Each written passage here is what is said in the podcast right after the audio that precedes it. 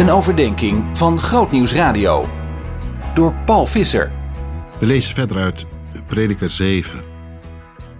Een hoofdstuk vol met goede raad en opmerkelijke observaties. We lezen in Prediker 7, vers 5 tot en met 7 het volgende. Je kunt beter luisteren naar de berisping van de wijzen dan naar de lofzang van de dwaas. Want zoals de dorens knetteren onder de pot, zo knettert het lachen van de dwaas. Ook dat is enkel leegte. Afpersing maakt de wijze dwaas. Steekpenningen richten zijn hart te gronden. Nou ja, dat eerste, je ziet het zo voor je. Twee mensen maken er een potje van, verlagen zich tot eh, lage en laffe praktijken, maar ze klappen elkaar op de schouder en met de duim omhoog zeggen ze: Fantastisch, hè?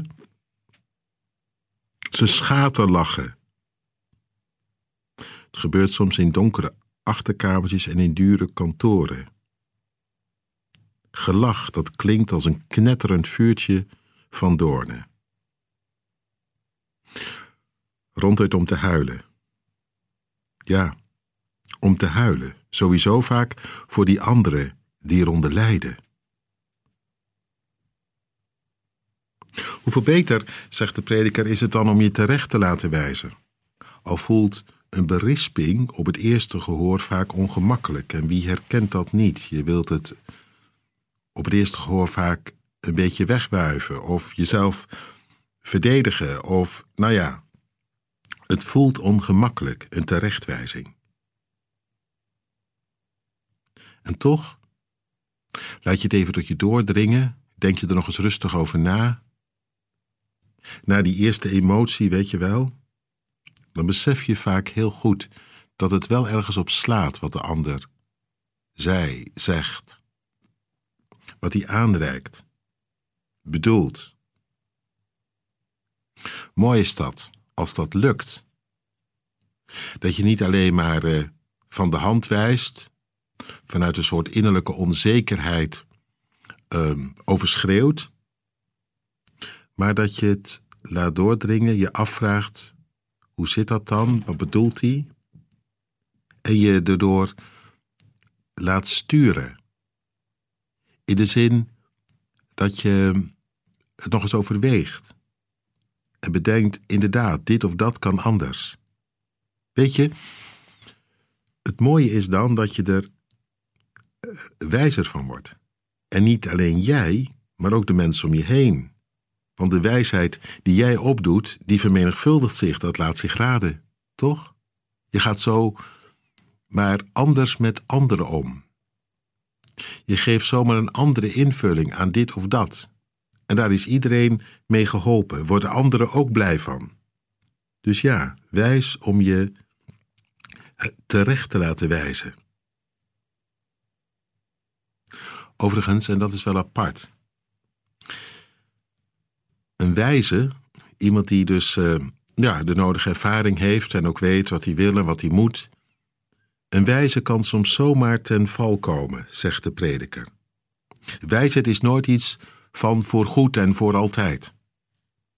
Een wijze kan uh, zo dwaas zijn dat hij zich toch laat verleiden door steekpenningen. Omkoopbaar is. En daardoor afgeperst wordt. Ik denk dat het goed is om dat te bedenken. Het komt ook steeds weer voor in onze maatschappij. Mensen die je hoog had staan en die ineens dan anders blijken te zijn. En je voelt aan, nadat de eerste verontwaardiging voorbij is, dat het dichterbij komt soms dan dat je lief is. Wijsheid blijft een, een kwetsbaar bezit. Misschien juist omdat het zo kostbaar is. En mensen misschien ook altijd er wel op uit zijn om het stuk te breken.